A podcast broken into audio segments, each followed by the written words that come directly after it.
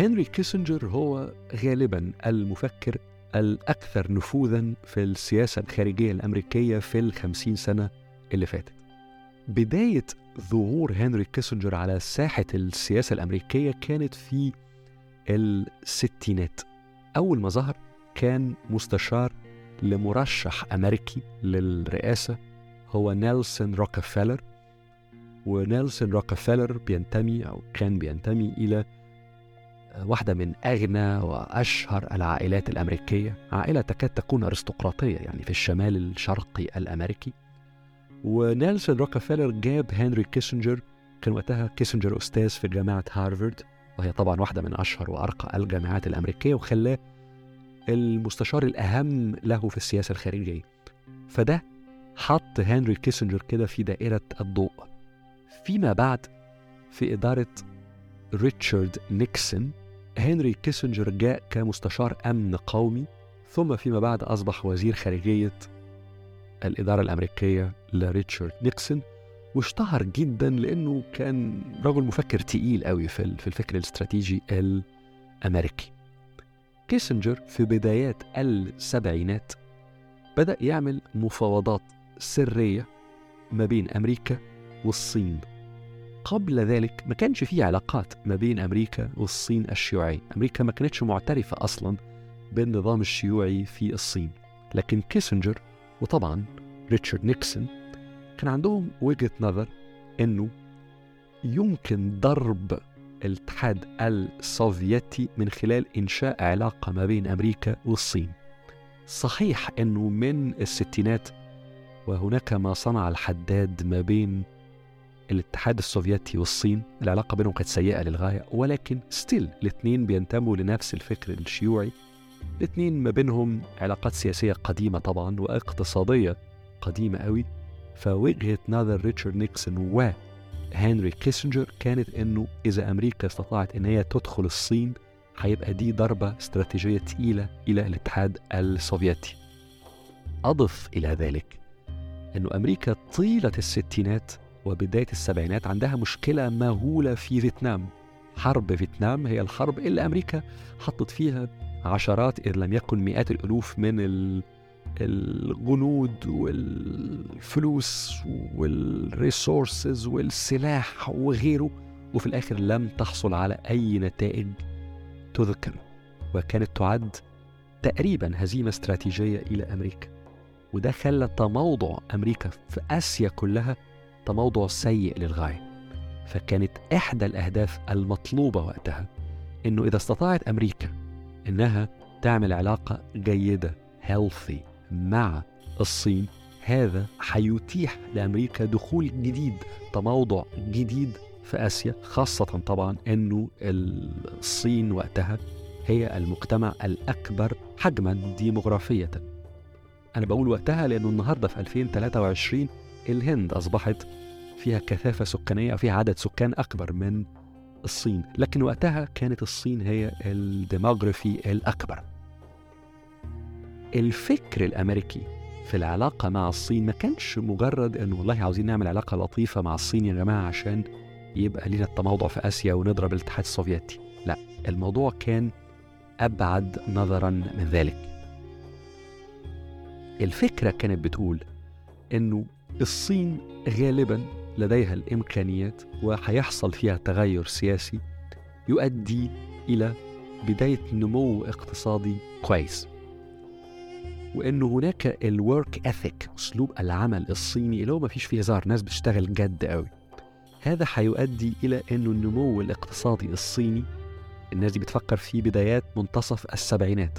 فبتقول إنه غالبا النمو الاقتصادي الصيني هيبقى تقيل قوي وعظيم قوي وسريع قوي إنه هيخلي ناس كتير من الفقراء في الصين وهم وقتها الغالبية الساحقة يبتدوا إن هم يدخلوا الطبقة الوسطى. فيبتدوا إن هم يشتروا شوية حاجات زيادة يبتدوا يبقى عندهم قدر من الاستهلاك الزيادة حبتين. مع الوقت يبتدي أو تبتدي حياتهم يبقى فيها قدر من الرأسمالية شوية شوية يبتدوا إن هم يشتروا assets موجودات عربية شقة صغيرة ثم شقة كبيرة و و و.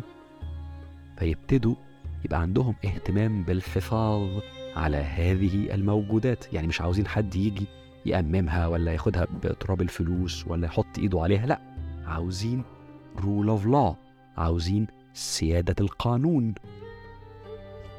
بالضرورة هذا يؤدي إلى تشيكس على قوة الدولة يعني نوع من التحجيم لنفوذ الدولة على الاقتصاد. مش بالضرورة أن كل ده معناه أن هناك ديمقراطية قادمة لا لكن بالضرورة معناه أن هناك توازنات جديدة تحدث في الاقتصاد السياسي لهذه الدولة.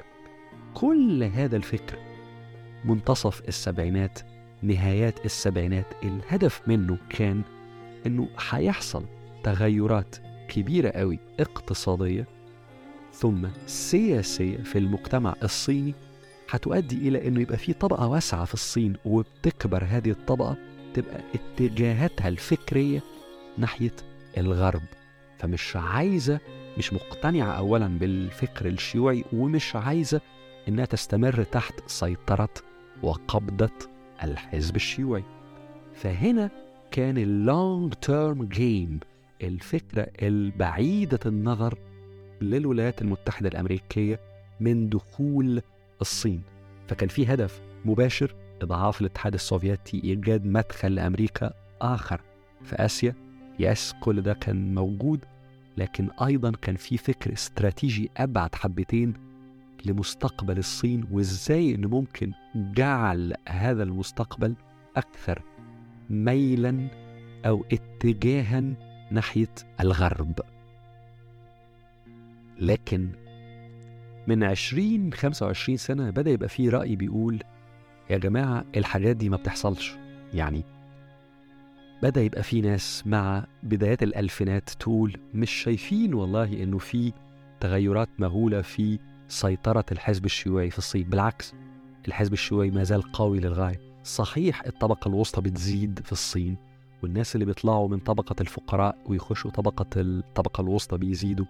صحيح إنه في استهلاك كبير بيحصل. صحيح إنه في اسيتس بتشترى. صحيح و و لكن مش شايفين هذا التغير السياسي اللي كان بيتقال لنا في نهايات السبعينات إنه هو هيحصل. اللي كان كيسنجر واحد. هنري كيسنجر واحد من ال architects بتوعه واحد من الناس اللي صمموا هذا الفكر. لكن في نفس الوقت كان ما زال هناك تيار فكري داخل أمريكا في قلبه هنري كيسنجر بيقول يا جماعة اللي قلناه من منتصف ونهايات السبعينات ما زال فاليد ما زال هيحصل. بصوا على اللي بيحصل في الاقتصاد الصيني في استهلاك مهول بيحصل. في اقتصاد لا شك إنه ابتعد تماما عن فكرة الشيوعية حتى وإن كان ما زال في سيطرة الدولة لكنه متجه في أدوات الإنتاج في وسائل الإنتاج في وسائل التسويق في وسائل دخول الأسواق إلى فكر استهلاكي إلى فكر راسمالي par excellence يعني زي ما بيقولوا راسمالي قوي يعني. وبصوا كمان إلى إلى الفكر داخل الحزب الشيوعي الناس دي ما بتفكرش على أساس شيوعي ولا حاجة الناس دي بتشجع اقتصاد السوق. فهذا الرأي اللي كان هنري كيسنجر فيه في ال 20 25 سنة اللي فاتت كان ما زال ملتزم ما زال مقتنع بالفكرة اللي من منتصف السبعينات لآخر السبعينات إنه هيحصل تغير كبير قوي في الاقتصاد السياسي الصيني هيخلي صعود الصين مفيش فيه مواجهة مع أمريكا. هيخلي الجزء الأكبر أو الأهم على الأقل في المجتمع الصيني لا يريد صراعات مع الولايات المتحدة الأمريكية لأن يهمه مصالحه الاقتصادية وأنه ال elite الصيني قمة المجتمع الصيني بما فيها القيادات في الحزب الشيوعي الصيني مش عايزة صراع مع الولايات المتحدة الأمريكية. ده كان التيار الذي كان يمثله هنري كيسنجر في العشرين سنة اللي فاتت واللي بيقول يا جماعة ما تخافوش من صعود الصين. ما فيش مواجهة استراتيجية قادمة ولا حاجة. كيسنجر بحكم موقعه إن هو كان مستشار أمن قومي أمريكي الأهم لا شك المستشار الأهم للأمن القومي الأمريكي منذ أن اخترع هذا المنصب. ولا شك الوزير الخارجية الأشهر والأهم في الخمسين سنة اللي فاتت طبعا عنده جرافيتاس عنده ثقل عنده رأيه مهم قوي تقيل قوي لكن بالإضافة إلى ده الراجل يعرف الصين كويس قوي مش بس عشان زيارته الأولانية اللي عملها سنة 71 أو 72 كانت هي فتح الصين أمام أمريكا والتحضير لزيارة ريتشارد نيكسون الشهيرة. لكن مع ده أنه كيسنجر ذهب بعد ذلك إلى الصين مرات كتير قوي وطبعا كان بيقابل أهم المفكرين وأهم رؤساء الشركات وأهم رؤساء البنوك لكن بحكم أن هو هنري كيسنجر كان بيقابل الصف الأول من السياسيين بما فيهم أهم القيادات في الحزب الشيوعي بما فيهم الرئيس. فثقل هذا الرجل تقيل قوي يعرف الصين كويس جدا. بالإضافة إلى ذلك أنه طبعا أهم رؤساء الشركات الأمريكية البنوك الأمريكية وغيره اللي عندهم مصالح في الصين كانوا بيقعدوا معاه وياخدوا رأيه. فكان الفكر بتاع هنري كيسنجر له gravitas له ثقل مش بس عشان هو ال architect الذي صمم العلاقة الأمريكية الصينية ومش بس لأن هو كان يعرف الصين كويس قوي لكن يعرف المفكرين أو أصحاب القرار بيشكلوا العلاقة الأمريكية الصينية من الناحيتين في الصين وفي أمريكا. كل ده إدى credibility إلى الرأي اللي بيقول ما نخافش يا جماعة صعود الصين كقوة كبيرة قوي مفيش منه قلق. لكن اللي حصل إنه في الخمس ست سبع سنين اللي فاتت وبالذات في الثلاث أربع سنين اللي فاتت أصبح هناك أو حدث تغير كبير قوي في الرؤية الأمريكية لصعود الصين. أصبح هناك تصور واضح جدا أن صعود الصين هو تحدي مباشر للولايات المتحدة الأمريكية في آسيا بالذات وآسيا طبعا فيها وجود أمريكي كبير قوي زي ما تحدثنا في حلقات سابقة من هذه السلسلة. وفيها مصالح أمريكية مهمة قوي. لكن كمان بقى في في الرأي الأمريكي قول أو تصور أنه صعود الصين هو تحدي محتمل جدا في المستقبل المنظور في كل العالم تقريبا لمصالح أمريكا. وهذا الرأي موجود في كل الدوائر الرئيسية لصنع القرار في أمريكا. يعني موجود في الحزب الجمهوري وفي الحزب الديمقراطي. موجود في ال State Department في الخارجية الأمريكية وموجود في البنتاغون في وزارة الدفاع الأمريكية. موجود في وكالة المخابرات الأمريكية وفي ال Defense Intelligence Agency موجود في تقريبا كل ال think tanks مراكز الفكر الأمريكية. في أهم الجامعات في تقريبا كل الجرائد التقيلة اللي ليها توزيع كبير. يعني تقريبا كل ال centers التي تؤثر في صنع القرار الأمريكي أو في الرأي العام الأمريكي فيها إجماع على أن الصعود الصيني النهاردة أصبح تحدي مهول للولايات المتحدة الأمريكية وهنري كيسنجر كان في السنتين ثلاثة اللي فاتت واحد من هؤلاء الناس اللي غيروا رأيهم. هنري كيسنجر تم 100 سنة في الصيف ده يعني مايو مش فاكر أو يونيو 2023 فالراجل طبعا بطل يشتغل قوي يعني بطل بطل يكتب ويحاضر وبتاع عنده 100 سنة كتر خيره. لكن قال رأيه في عدد من الأماكن وكان آخرها مقابلة طويلة جدا تقريبا ست ساعات مع مجلة الإيكونومست البريطانية وهي مجلة ذات نفوذ كبير قوي في الأنجلو ساكسون وورلد بريطانيا أمريكا وبالذات في الدوائر المحافظة في في هذه الدول أو في الدولتين دول بالذات. وهو قال إنه هو شايف إنه دلوقتي فعلا صعود الصين أصبح غالبا مؤدي إلى مواجهة confrontation تقيلة قوي مش غالبا مش في ال South China Sea أو ال East China Sea يعني مش في المحيط البحري المباشر حول الصين لأنه هو شايف أنه تايوان لن تؤدي غالبا إلى حرب وأنا اتكلمت عن تايوان في حلقة سابقة من هذه السلسلة لكن هو بيتكلم على مواجهة استراتيجية كبيرة قوي على مستوى المصالح الأمريكية في العالم كله وعلى مستوى الأيديولوجية أنه الصين بالرغم من كل تجربة النمو بتاعها في الأربعين 45 سنة اللي فاتت ما زال هناك objectives الأهداف الاستراتيجية للحزب الشيوعي لم تتغير قوي. وده متعلق إلى حد ما بفكر تشي جامبينج وأنا اتكلمت أيضا عن هذا في حلقة سابقة من هذه السلسلة. ملخص الموضوع أنه هنري كيسنجر غير رأيه وذهب إلى الفكر القائل بأنه المواجهة الاستراتيجية ما بين الدولتين دول غالبا قادمة.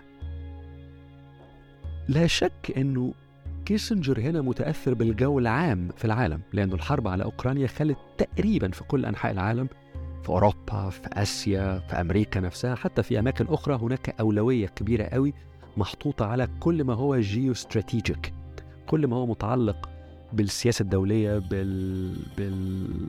الجغرافيا السياسية بالعلاقات الدولية بفكرة الصراع الاستراتيجي كل ده النهاردة بقى أولوية رقم واحد عند تقريبا أغلب دول العالم.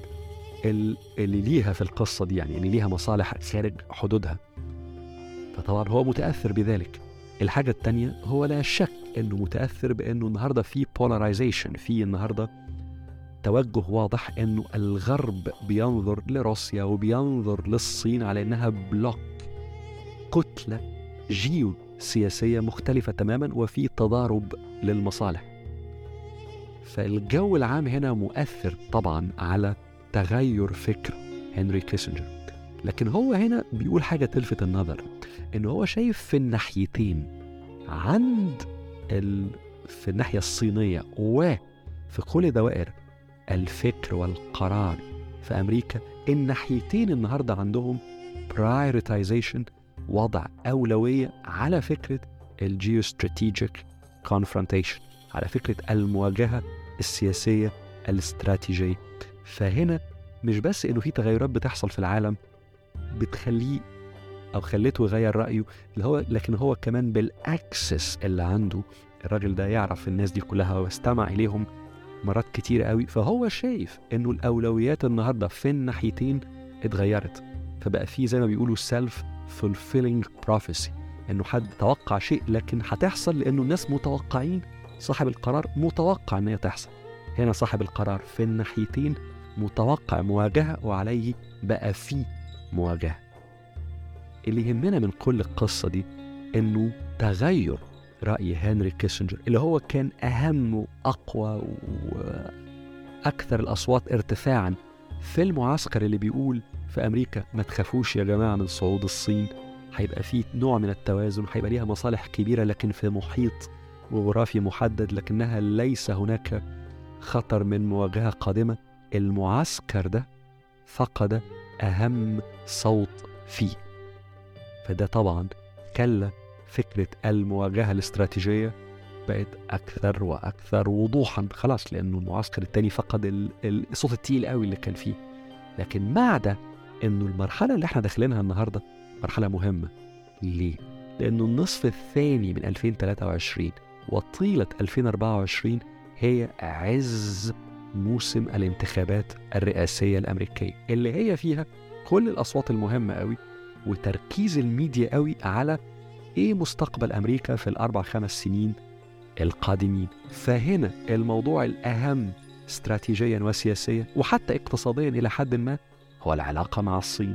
فإذا كل الأصوات النهاردة ذاهبة إلى فكرة ال confrontation المواجهة بما فيها الصوت اللي كان الأكثر نفوذا في الناحية التانية اللي بتقول ما تخافوش يا جماعة إذا ده يدينا صورة على نوعية الحوار نوعية العقلية اللي هتكون سائدة نوعية السرد اللي هيكون قوي قوي في الشهور أو السنة القادمة.